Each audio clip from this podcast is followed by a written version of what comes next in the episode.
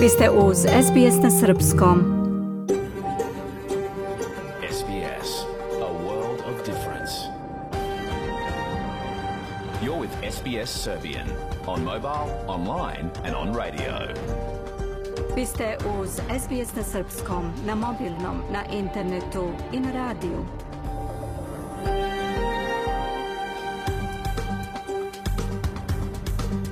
SBS odaje priznanje tradicionalnim vlasnicima zemlje za koje danas emitujemo program na srpskom jeziku.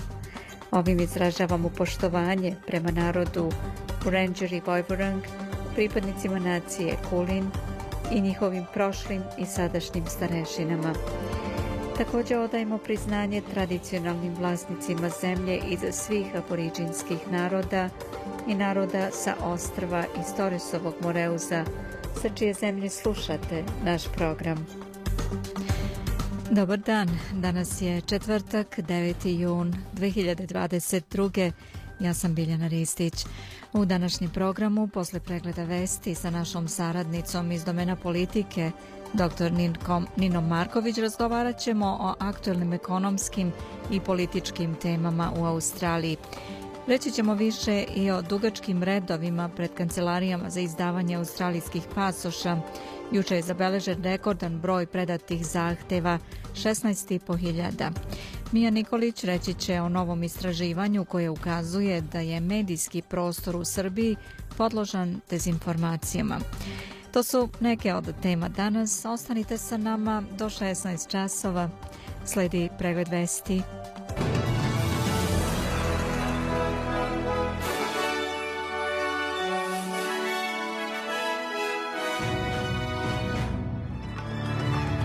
Neustavno da vlada oduzima državljanstvo osobama sa dvojnim državljanstvom za koje se sumnja da su učestvovale u terorističkim aktivnostima, presudio Visoki sud Australije.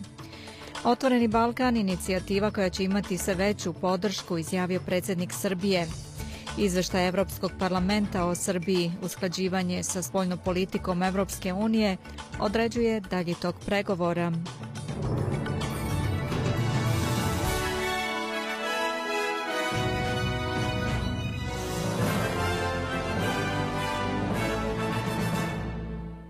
Opozicioni lider Peter Dutton poziva vladu da iskoristi početak rada parlamenta za donošenje zakona o borbi protiv terorizma. Juče je Visoki sud odlučio da vrati australijsko državljanstvo dvojici muškaraca osumnjičenih za terorističke aktivnosti nakon što im ga je bivši ministar unutrašnjih poslova poništio prošle godine. Sud je odlučio da je deo zakona koji ministru daje ovlašćenja da oduzme državljanstvo neustavan. To znači da bi i drugima kojima je državljanstvo oduzeto u skladu sa istim članom zakona sada također moglo biti vraćeno. Državni tužilac Mark Dreyfus kaže da će ispitati presudu i tvrdi da postoji dovoljno mera za upravljanje bezbednostnim rizicima. Peter Dutton je zaradio 2GB u Sidneju rekao da bi presuda mogla da predstavlja pretnju po naciju. The government needs to take the advice uh, to look at the judgment and to work out what the legislative response. Vlada treba da posluša savet, da pogleda presudu i da smisli kakav bi zakonodavni odgovor trebalo da bude, a to treba da se desi hitno jer ne želimo da ovi ljudi budu uslovno pušteni i da ponovo dobiju priliku da izvrše teroristički akt, kaže on. Federalni ministar za energetiku Chris Bowen stao je u odbranu australijskih kompanija za distribuciju gasa i tvrdi da ne postoji jednostavno i brzo rešenje za rastuće cene energije u Australiji. Laboristička vlada je isključila nametanje vanrednih poteza kompanijama za koje Bowen kaže da imaju takozvanu socijalnu licencu od strane potrošača da rade ispravne stvari. Gospodin Bowen je za ABC Australija rekao da se problemi sa gasom u Australiji prvenstveno svode na prekide rada u termoelektranama i da gas igra ulogu u rešavanju ovog problema. Kada smo pozvali kompanije za distribuciju gasa, one su odgovorile Garancija za snabdevanje gasom je aktivirana prošlog utorka uveče. To se desilo, uspelo je, upumpali smo više gasa u sistem, ali kad smo kod problema u vezi sa socijalnim dozvolama i gasnim kompanijama koje treba da odgovore, da, apsolutno moraju, apsolutno bi trebali i moraju biti svesni svojih obaveza na domaćem tržištu, kaže Boen. Izjava dolazi nakon što je ministar sazvao okrugli sto sa svojim kolegama ministrima iz država i teritorija koji su se složili da operatoru na energetskom tržištu daju više ovlašćenja za skladištenje gasa u slučaju budućih nestašica. Nacionalna stranka podstiče istragu o mogućem korišćenju nuklearne energije u cilju raznoobraznosti energetskog tržišta Australije, pošto se zemlja suočava sa povećanjem cena struje. Zamenica lidera nacionalista Perin Dewi kaže da nova laboristička vlada treba da ispita to mogućnost. Ona tvrdi da su nacionalisti godinama pozivali na ukidanje zabrane korištenja nuklearne energije. Laburisti su do sada odbacivali tehnologiju rekavši da je preskupa i da će izgradnja trajati predugo. SBS na srpskom slušate pregled vesti. Više od 7 miliona ljudi napustilo je Ukrajinu od izbijanja rata u toj zemlji 24. februara, saopštila je Agencija Ujedinjenih nacija za izbeglice. Ukupno je registrovano 7 miliona 23.559 prelazaka preko ukrajinske granice, prenosi agencija Reuters. Najviše izbeglica iz Ukrajine registrovano je u Poljskoj, Rusiji i Moldaviji, navodi UNHCR. Umeđu vremenu ukrajinski predsjednik Volodomir Zelenski je izjavio da branioci grada Severnodonjecka nanose velike gubitke ruskim trupama u bici za koju je naveo da je veoma žestoka i teška, prenosi Reuters i dalje navodi da ruske snage privremeno kontrolišu 90% regiona. On je u online objavi također rekao da nema šanse da ukrajinske snage u regionu Luganska budu opkoljene, prenosi agencija Reuters. Također objavljeni su novi detalji o ukupnoj količini američkog naoružanja i opreme koja je poslata Ukrajini od početka sukoba 24. februara prenosi BBC. Više od 4 milijarde dolara vredne vojne opreme dato je Ukrajini i veliki deo tog naoružanja se u ovom trenutku nalazi u zemlji, a Sjedinjene države su daleko ispred svih u vojnoj pomoći Kijevu. Oprema je uglavnom usmerena na istok zemlje u Donbas, gde je poprište najvećih ratnih dejstava u Ukrajini. Visoki predstavnik u Bosni i Hercegovini Kristijan Schmidt najavio je skori dolazak jednog kontingenta Nemačke vojske u Bosnu i Hercegovinu koji će biti u sastavu misije EUFOR. Nemačka već deset godina ne učestvuje u misiji EUFOR-a u Bosni i Hercegovini, ali bi to ovih dana, kaže Schmidt, trebalo da se promeni, preneli su sarajevski mediji. Iduće sedmice Bundestagu će biti podnet zahtev koji će omogućiti da se u Butmiru zaviori nemačka zastava, rekao je Schmidt na konferenciji za novinare. Na samitu regionalne inicijative Otvoreni Balkan potpisano je više sporazuma i memoranduma o saradnji tri zemlje članice. Potpisan je sporazum o saradnji na Zapadnom Balkanu u oblasti priznavanja diploma i naučnih priznanja izdatih u visokoškolskim ustanovama i drugim ovlašćenim institucijama, navedeno je na Instagram nalogu predsjednika Srbije Budućnost Srbije AV. Potpisani su i memorandum o razumevanju i saradnju oblasti turizma za Zapadni Balkan, memorandum o razumevanju i kulturnoj saradnji na Zapadnom Balkanu, kao i memorandum o razumevanju i saradnji porezkih uprava na Zapadnom Balkanu. Crnogorski premijer Dritan Bazović, koji je samitu Otvoreni Balkan u Ohridu prisustvovao kao posmatrač, Poručio je da je do sada učestvovao na raznim skupovima, ali da je ovaj definitivno novo lice Zapadnog Balkana i apelovao da na sljedećem ovakvom okupljanju bude šest, a ne pet lidera. Ipak na pitanje novinara da li će se Crna Gora pridružiti inicijativi nije dao konkretan odgovor. U Crnoj Gori jedan dio javnosti to tretira kao slabost i sebičnih političkih razloga i želju da Balkan zadrži na onom statusu u kojem je bio svih ovih decenija. Ono u što ja vjerujem iskreno, u što mnogi nisu vjerovali da nije, jeste da kao što smo mi neki pojedinci, neke strukture, ne baš toliko velike, bili vjesnici velikih promjena u našoj zemlji, tako će Crna Gora, koja je najmanja u regionu, biti vjesnik velikih promjena u rebrendiranju Balkana na mnogo bolji način nego što je to bio sada slučaj. Predsjednik Srbije Aleksandar Vučić je na završnoj konferenciji za novinare samita Otvoreni Balkan u Ohridu poručio da Otvoreni Balkan pripada balkanskim narodima i da u pripremi te ideje niko drugi nije učestvovao nego Zoran Zajev, Edi Rama i on.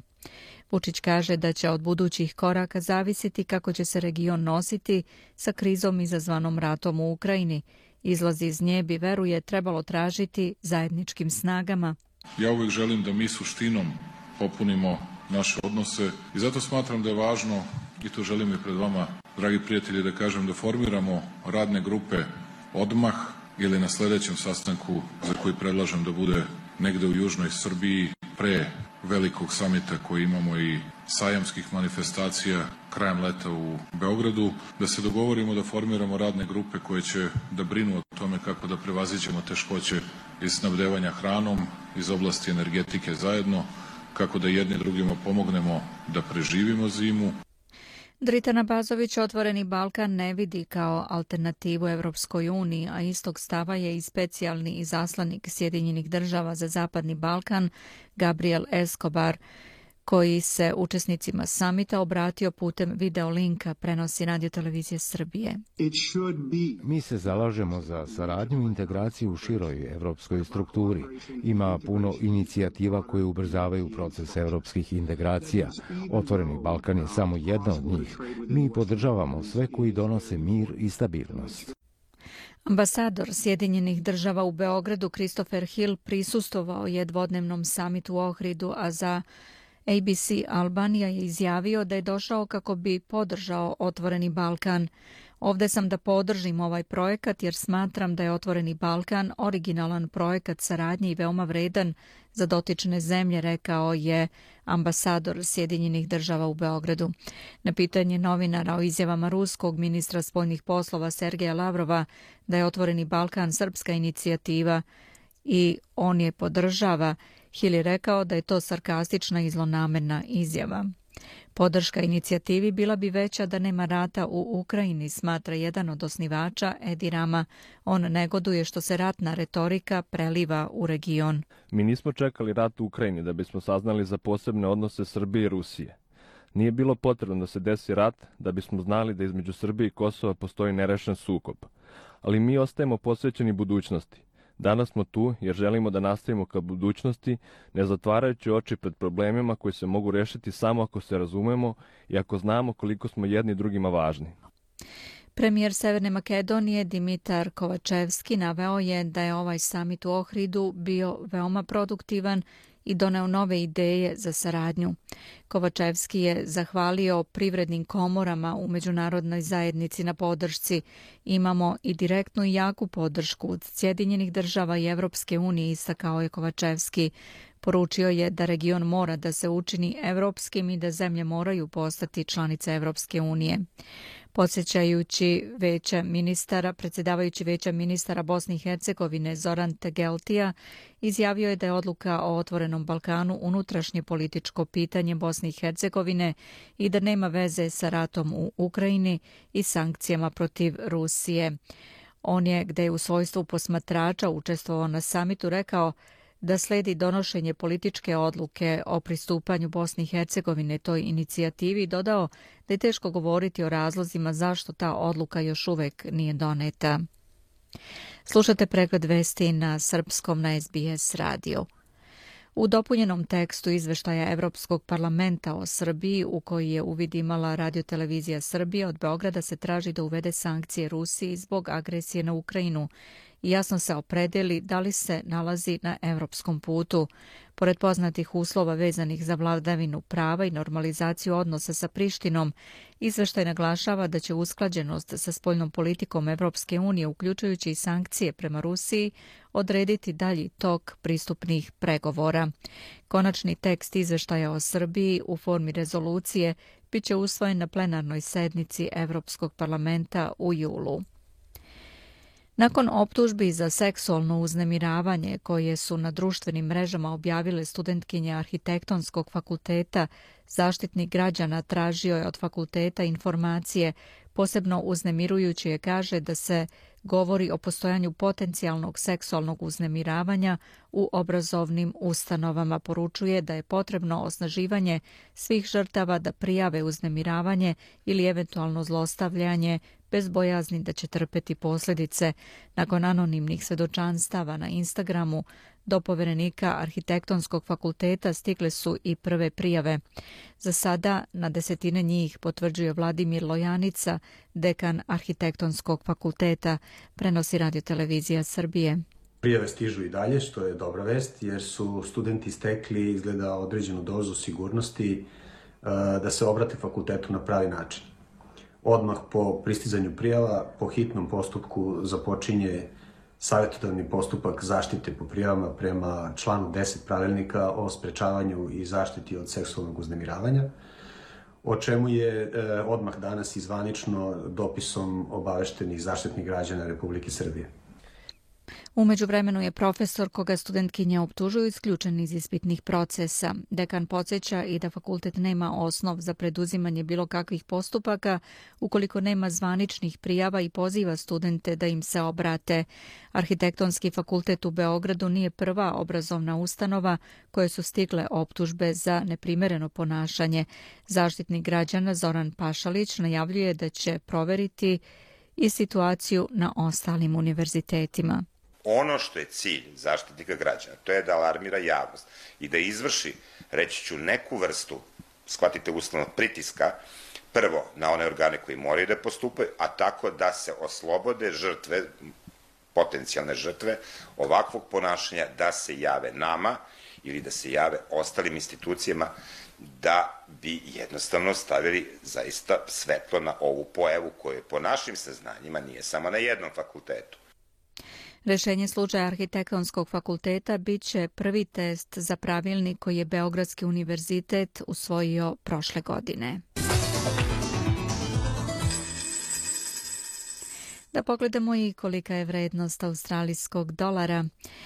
U odnosu na američki vredi 72 centa, 67 eurocenti, 57 britanskih penija i 78 srpskih dinara, 51 paru. Ukratko iz sporta, čelnici Wimbledona potvrdili su ranije donetu odluku da ruskim i beloruskim teniserima zabrane učešće na Grand Slam turniru u Londonu. ATP je doneo odluku da se bodovi sa Wimbledona ove godine neće računati, ali će se oduzimati bodovi koji su osvojeni prošle godine, što je najviše pogodilo srpskog tenisera Novaka Đokovića koji brani titulu. Wimbledon će početi 27. juna i trajeće do 10. jula.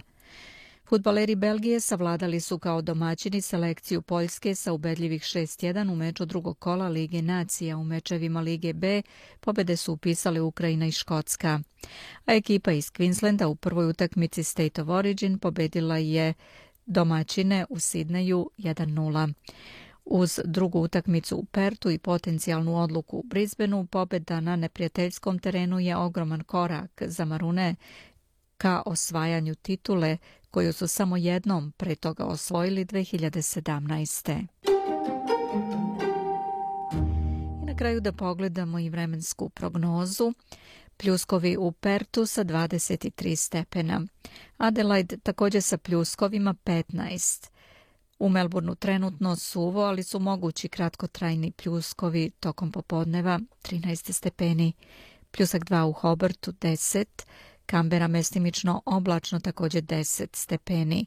U Sidneju 16 stepeni sunčano, u Brisbaneu 18 sunčano, u Darwinu niža vlažnost sunčano 33.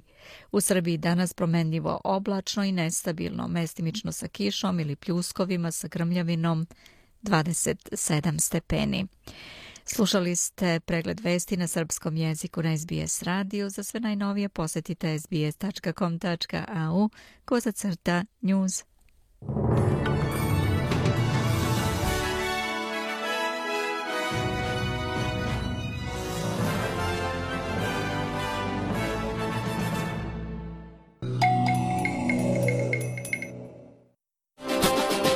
Trenutno vlada New South Walesa daje svima podsticaj sa preko 70 načina za uštedu.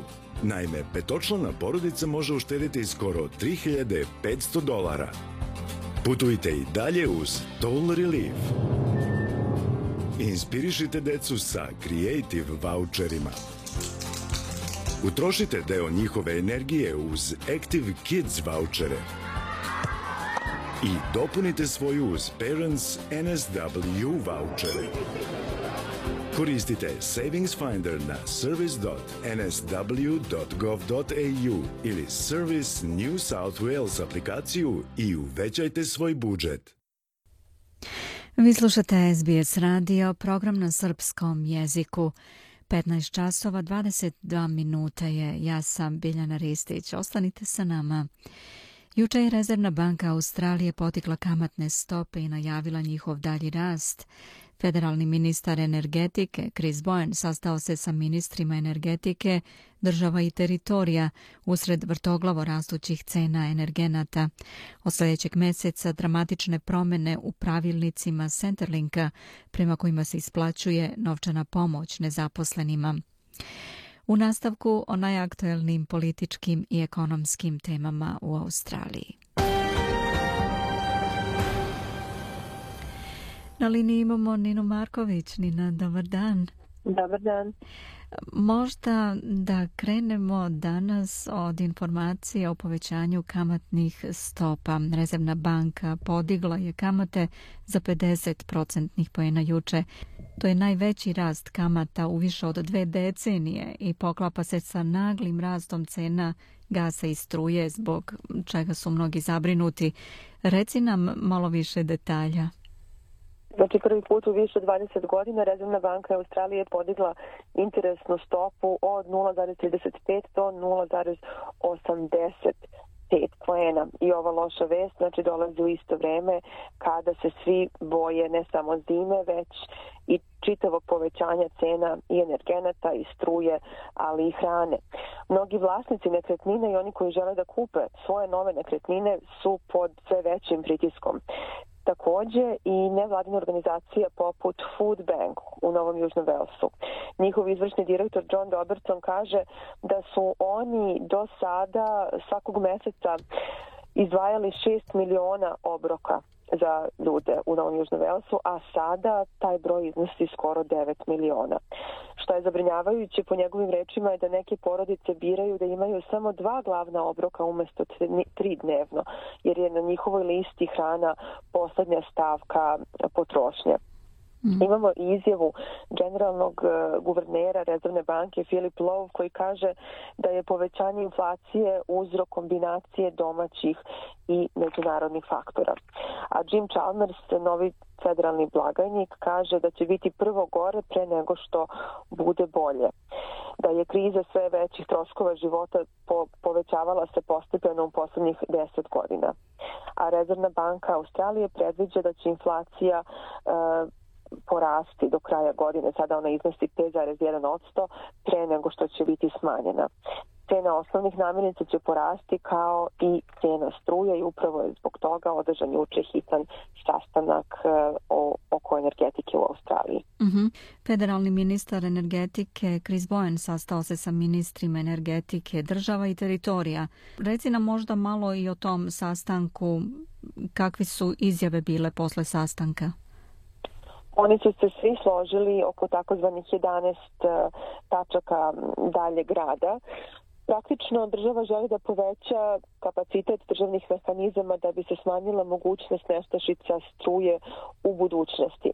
Za sada je to još uvek slovo na papiru, sve njihovi, svi njihovi dogovori, ali zanimljivo je šta će se desiti ukoliko australijska vlada da veće ovlašćenja u domenu energenata nadležnima da možda povećavaju državne rezerve energenata uključujući i gasa. Znamo da je sada Australija jedna od glavnih stampevača likvidnog gasa Evropi, da Evropska unija sve više skladišti taj gas pred svoju predstojeću zimu, ali to zaista zabrinjava čitav sektor u Australiji i a, vidjet ćemo kako će ovaj, znači za sada plan na papiru biti sproveden u delo. naročito kada su u pitanju države na istočnoj obali gde je sada zima u toku i tako da je da su dosta i političari a i stanovništvo na istočnoj obali zabrinuti zbog toga šta bi moglo da bude ako bi cene energenata otišle zaista tako visoko da ljudi počnu da isključuju struju ili gaz zato što ne mogu da plate, što se već dešava u suštini u mnogim slučajevima. A kad već o tome govorimo, ljudi koji su bez posla također su zabrinuti zato što je uveden novi servis u okviru Centerlinka koji preti da skine sa socijalne pomoći mnoge korisnike usluga ministarstva. Možda da kažemo više detalja o tome. Od 4. jula dolazi na snagu novi servis pod nazivom Workforce Australia i on će uticati na čak 792.000 ljudi koji traže posao, a korisnici su Centralinka. On, ovaj sistem će podijeliti ljude u dve grupe. Prvih, e, prva grupa od 169.000 ljudi će biti prebačena na online portal, dok 592.000 ljudi će biti prebačena na sistem usluga takozvanim face to face, znači lično će odlaziti. E, problem je taj što mnogi korisnici ovih sadašnjih usluga i sadašnjeg sistema ne znaju kako će ova promjena uticati na njih. Imamo izjavu nekoliko od njih koji tvrde da njihove agencije za zaposlenje ne znaju kako će takođe sistem uticati na njih što je jako zabrinjavajuće. I zanimljivo je da dodamo da je 2019. godine Senatski komitet e, utvrdio da je novi sistem koji je tada bio samo u planu, da nije adekvatan za korisnike ovih usluga. Tako da su mnogi zabrinuti, znači skoro 800.000 ljudi će od 4. jula, znači za manje od mesec dana, biti prebačeno na taj novi sistem Workforce Australia bez, bez da znaju detalje svega toga. Tako da to zaista jeste zabrinjavajuće. Mm. Da pređemo na jednu malo drugačiju temu. Visoki sud Australije presudio je da vlada ne može da oduzme državljanstvo ljudima sa dvojnim državljanstvom za koje se sumnja da su učestvovali u terorističkim aktivnostima, nazivajući to neustavnim. Šta znamo o tome? Ovo je istorijska odluka koju je donao Vrhovni sud Australije 8. juna, znači juče, Nakon što je porodica delila Aleksandra koji je trenutno nalazi se u Siriji u jednom zatvoru Uta čak su ga prebacili u zatvor Far Falestrin koji je zaista užasan u svojoj reputaciji e, kada je izgubio državljanstvo Australije prošle godine. Oni su pravili veliku kampanju da mu se povrati državljanstvo što je upravo Vrhovni sud Australije i uradio. Ovaj čovjek je bio dvojni tursko-australijski državljanin i on je dobio slučaj na Vrhovnom sudu nakon što je bivša ministarka unutrašnjih poslova Karen Andrews, ista ona koja je Novaku Đokoviću otkazala prvi put vizu, ona je prošle godine odlučila da mu oduzme državljanstvo i zbog toga je on tretiran po rečima njegove porodice mnogo lošije u Siriji. Oni sada uopšte nemaju kontakt sa njim. Njega je država optužila da je otišao u Siriju da bi se pridružio Isilu, iako on nikada nije osuđivan ni za šta u Australiji. Njegov advokat e, Osman Samin kaže da je sekcija takozvana 36b unutar zakona veoma širokih okvira i po njegovim rečima ona je dala radikalnu moć ministru bez presedana u australijskoj istoriji sudstva. Samin kaže da je praktično ovaj zakon dozvolio da ministar ili ministarka naprave svoj paralelni sistem takozvane kriminalne pravde i kažnjavanja. Ovom čoveku se sada vratilo državljanstvo, a imamo i komentar advokata ustavnog prava i akademika sa Univerziteta Novog Južnog Velsa, doktora Sangrita Pilaja, koji kaže da će ova odluka imati daleko sežne posledice. Ali brojni ljudi kojima je već oduzeto državljanstvo neće ni znati za ovu promenu. Australija ima preko 90 zakona o terorizmu, tako da će država moći i druge zakone da upotrebi da ne omogući ljudima poput e, Aleksandra da se vrate u Australiju. Mark Dreyfus, e, koji je znači, novi državni pravobranilac, kaže da je Australija potpuno bezbedna i da ovaj novi presedan neće bitno uticati, ali sa time se ne slažu e, advokati za ljudska prava koji kažu da je ovo zaista istorijska odluka. Mm. I da završimo sa jednom takođe temom koja ima fokus na organizovanom kriminalu, Australijska federalna policija obećava da će krenuti u napad na italijansku mafiju u okviru svoje sljedeće operacije usmerene na organizovani kriminal i u Australiji i u inostranstvu. Da kažemo par reči i o tome.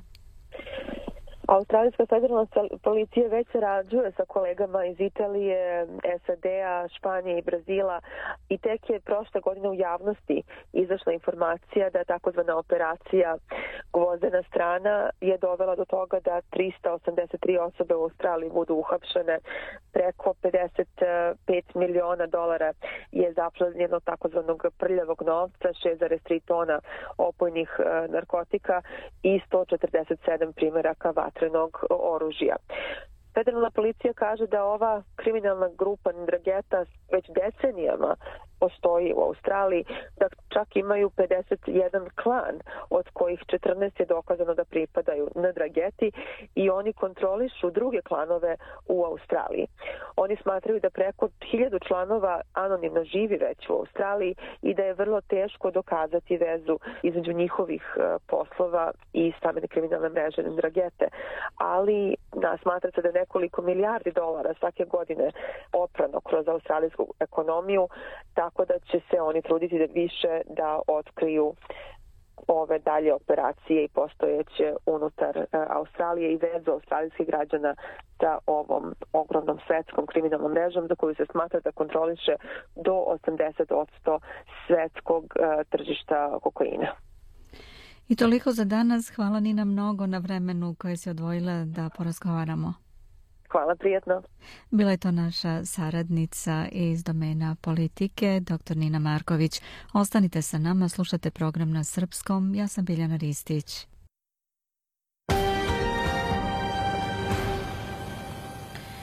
Još jedan problem u Australiji je postao očit sa povećanim brojem ljudi koji žele da putuju u inostranstvo. Izdavanje ili produžavanje pasoša postalo je zaista mukotrpan proces, a službenici u kancelarijama Federalnog ministarstva nadležnog za izdavanje putnih isprava sve su nervozniji pošto su mesecima iza predviđenih rokova, piše Tanja Tandrinos za SBS novinsku službu. Pre pandemije bilo je u proseku oko 7 do 9 hiljada prijava za izdavanje ili produžavanje pasoša dnevno, dok je ove nedelje zaključno sa današnjim danom zabeležen dnevni rekord sa blizu 16,5 hiljada primljenih prijava. Međunarodne granice su možda ponovo otvorene, ali hiljade onih koji žele da ih pređu ostaje zaglavljeno u redovima čekajući na izdavanje pasoša. Širom zemlje mnogi satima čekaju u redovima u kancelarijama nadležnim za izdavanje putnih isprava. Reporter SBS je razgovarao sa nekolicinom onih koji čekaju u redu na pasoš. Mnogi kažu da već mesecima obijaju pragove. I've called and called and there's no answer. So I gave up and just came here. You can't get through on the phones, so you have to come down and sit in queue and things. So, How long have you been in the queue so far today? How long? Four hours. Four or five hours. Yep. I have processed an, app- an application, sorry, about oh, nine and a half weeks ago. Zvala sam, nema odgovora, pa sam jednostavno odustala i došla ovde, kaže jedna žena. Ne možete nikoga da dobijete na telefon, pa morate doći ovde i stati u red, dodaje još jedna anketirana osoba. Na pitanje novinara koliko je do sada bila u redu, kaže 4 ili 5 sati. U stvari, ispunio sam prijavu pre otprilike 9 i po nedelja, kaže jedan čovek, i počinjem da budem pomalo nervozan i pod stresom, pa sam mislio da je vreme da danas stanem u red. Srenit Kulangarat je podneo zahtev za pasoš za svog šestogodišnjeg sina početkom maja u oči porodičnog praznika kada treba da putuju krajem ove godine. Međutim, 1. juna u Indiji je neočekivano umro njegov svekar i on i njegova žena nikad nisu imali priliku da se oproste od njega. Stvarno sam se nadao da ću ga videti posljednji put i odati posljednju počast i također podržati svoju ženu. Znate da se u ovakvoj situaciji dešava mnogo stvari i da sam bio tamo, mogao bih da pomognem, a ja sam bio ovde bespomoćan, sedim u redu ceo dan, to je sve što mogu da učinim, kaže on.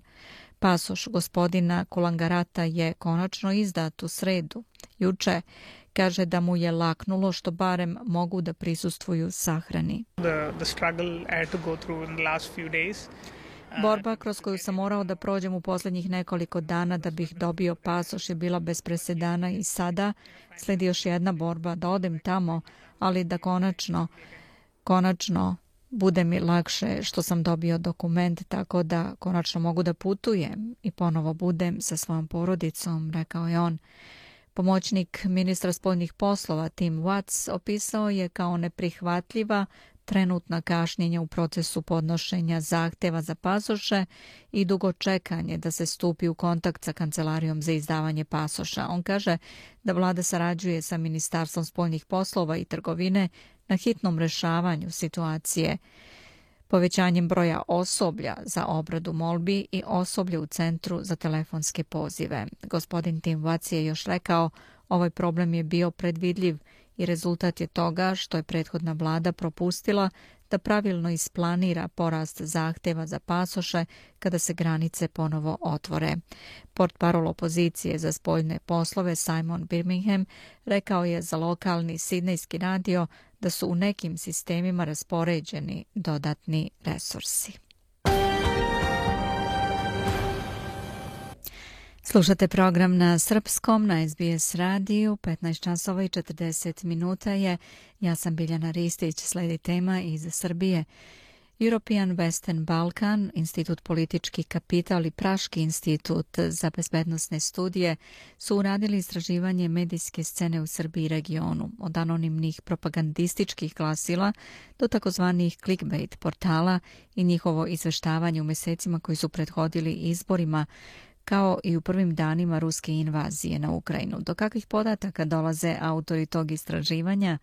Pitamo našu saradnicu iz Srbije, Miju Nikolić. Mija, dobar dan, recite nam više. U okviru projekta Razotkrivanje malignog domaćeg i stranog uticaja u sivoj zoni na izborima u Češkoj, Mađarskoj i Srbiji autori istraživanja su došli do podataka da u većini anonimnih propagandističkih glasila u clickbait portalima, delu tabloida, postoji jak antizapadni, odnosno antievropski i proruski narativ, čak i u medijima koji nisu direktno proruski. Izvršni urednik portala European eh, Western Balkans Nikola Burazer kaže da je u vreme početka sukoba u Ukrajini proruski moment postao još vidljiviji nego ranije čak i u medijima koji nisu bili kategorizovani kao proruski, već kao clickbait i provladini, a da je posebno loše što ne postoji nikakva kontrateža tim medijima, niti postoje oni koji bi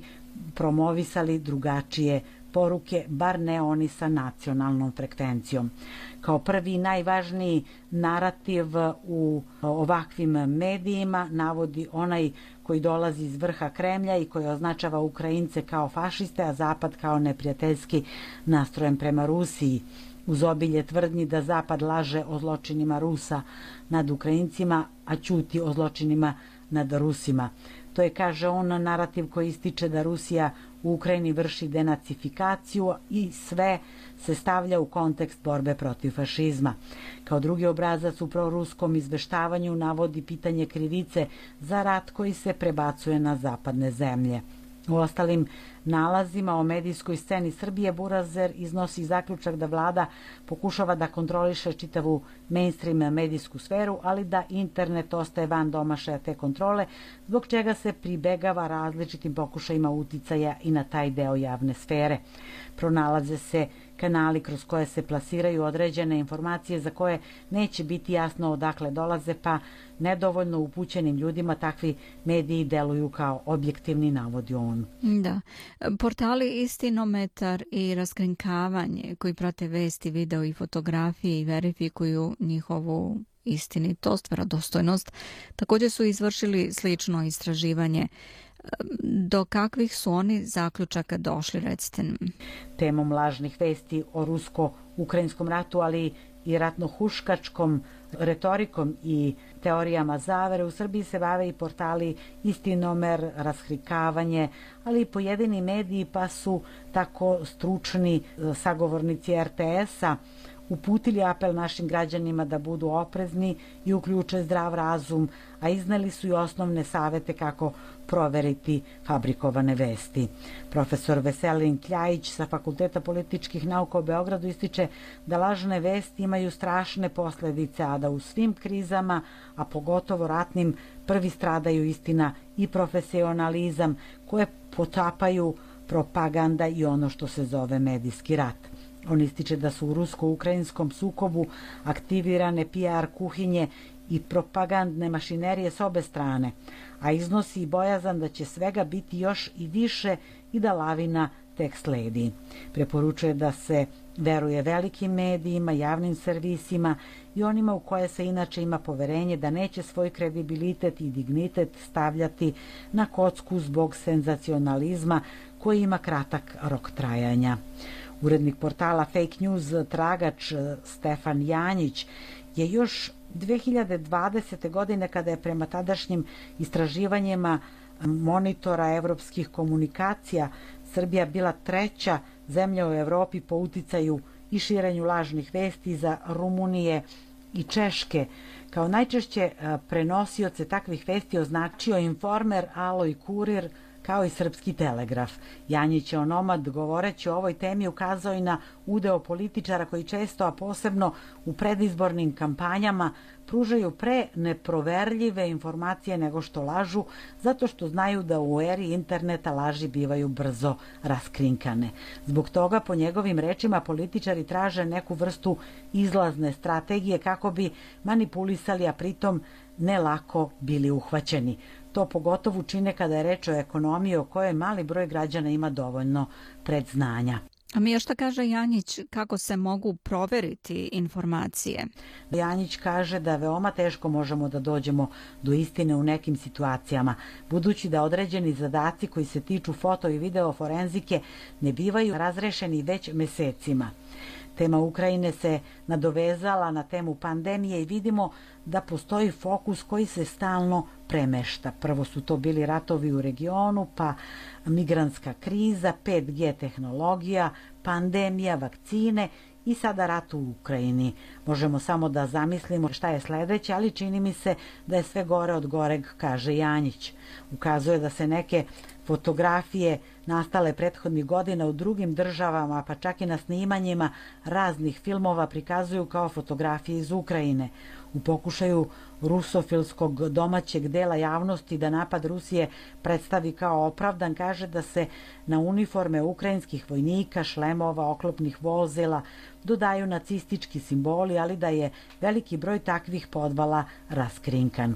Ističe da ćemo dugoročne posledice fabrikovanja vesti tek videti, na primjer, na planu imunizacije dece obaveznim vakcinama, dodaje i da šarlatani imaju prevelik pristupom mrežama, nacionalnim televizijama i štampi. Zagovara da bismo jačanjem medijske pismenosti paralelno jačali naučnu i statističku pismenost i da bi nam koncepti koji deluju udaljeno i abstraktno tako postali daleko bliži. Mija ima tvrdnje da je Srbija postala trusno područje za desinformacije u regionu. Recite nam više i o tim tvrdnjama.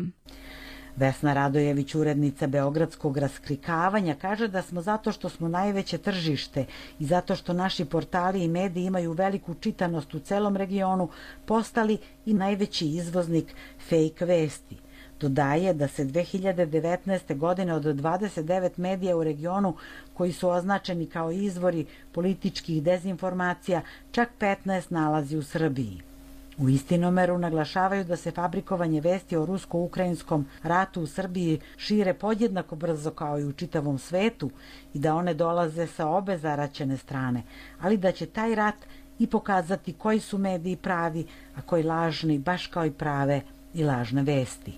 I profesor Veselin Kljajić tvrdi da će upravo na ovom sukobu neki mediji izgubiti svoj kredibilitet, dok će ozbiljni mediji nastojati da ga sačuvaju, znajući koliko ga je teško steći, a kako se u kriznim situacijama lako i brzo gubi poverenje.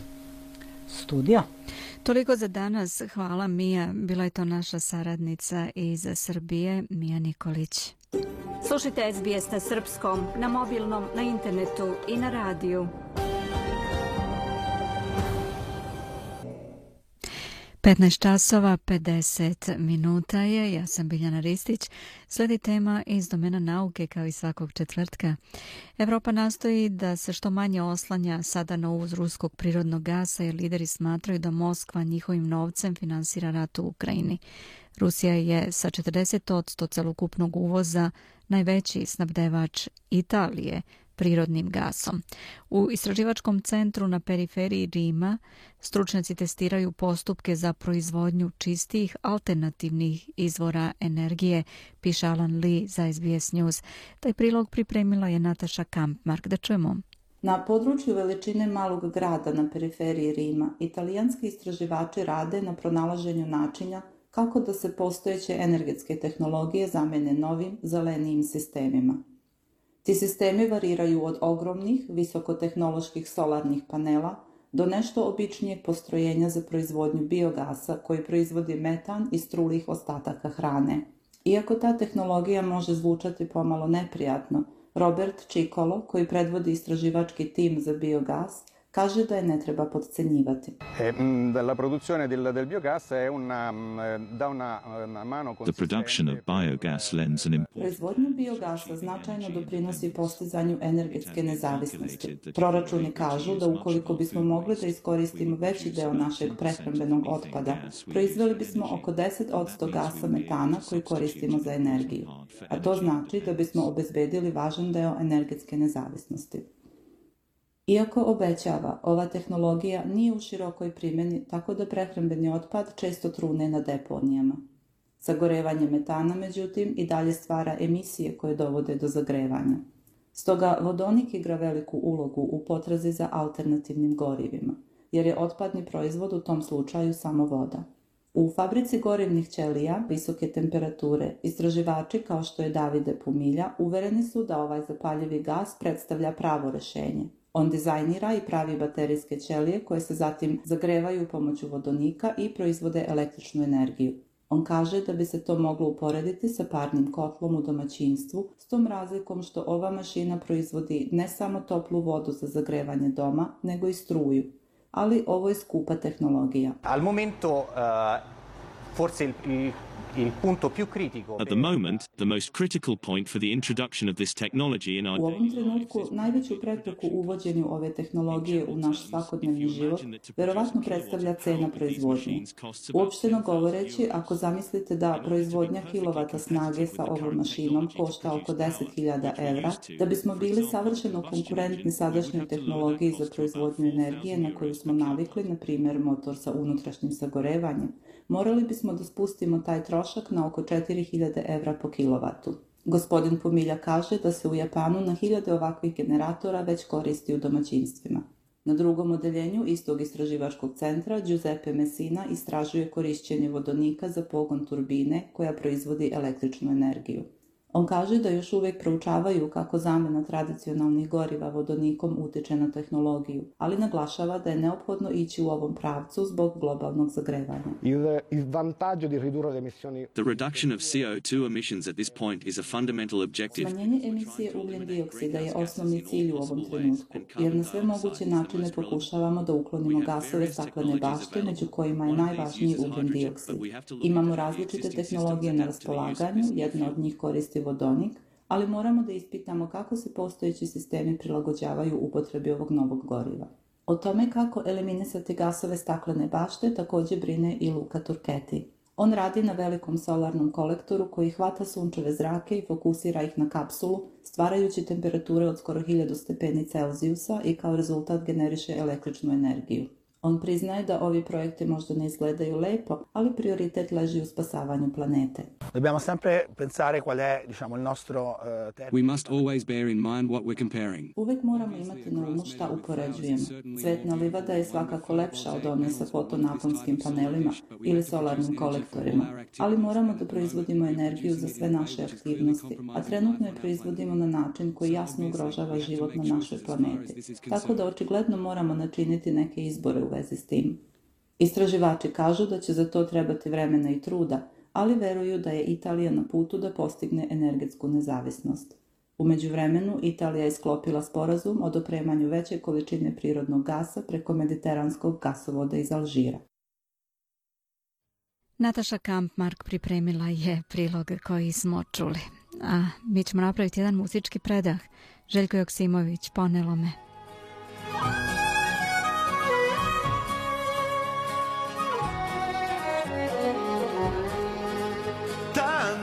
Noć je bila moj presedan.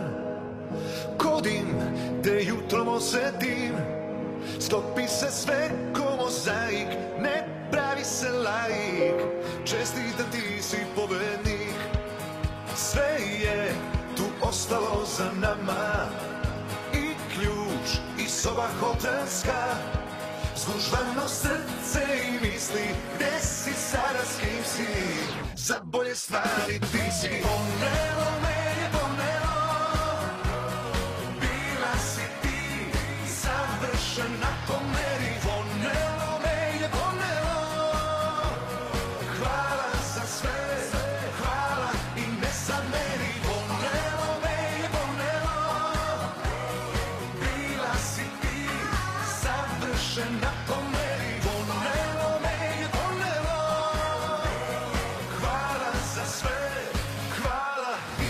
i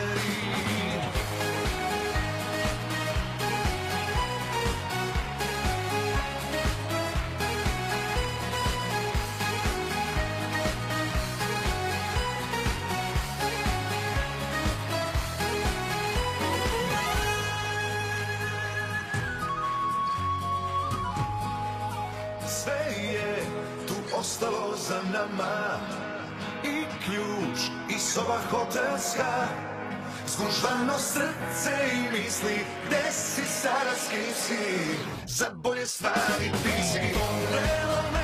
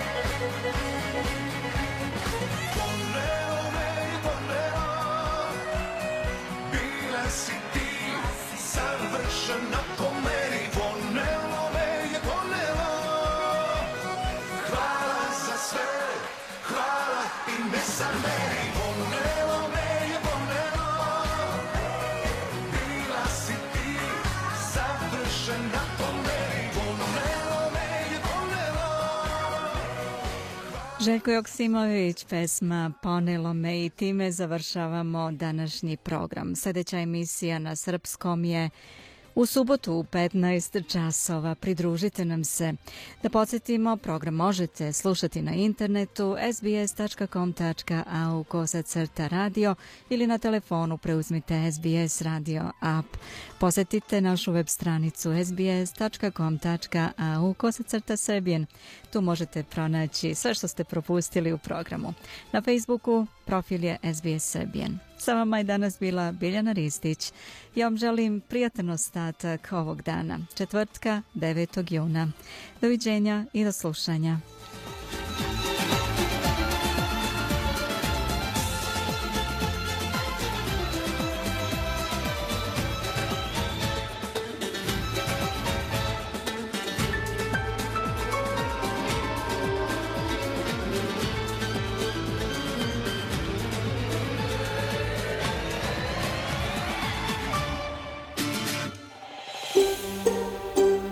Želite da čujete još priča poput ove? Slušajte nas na Apple Podcast, Google Podcast, Spotify ili odakle god slušate podcast.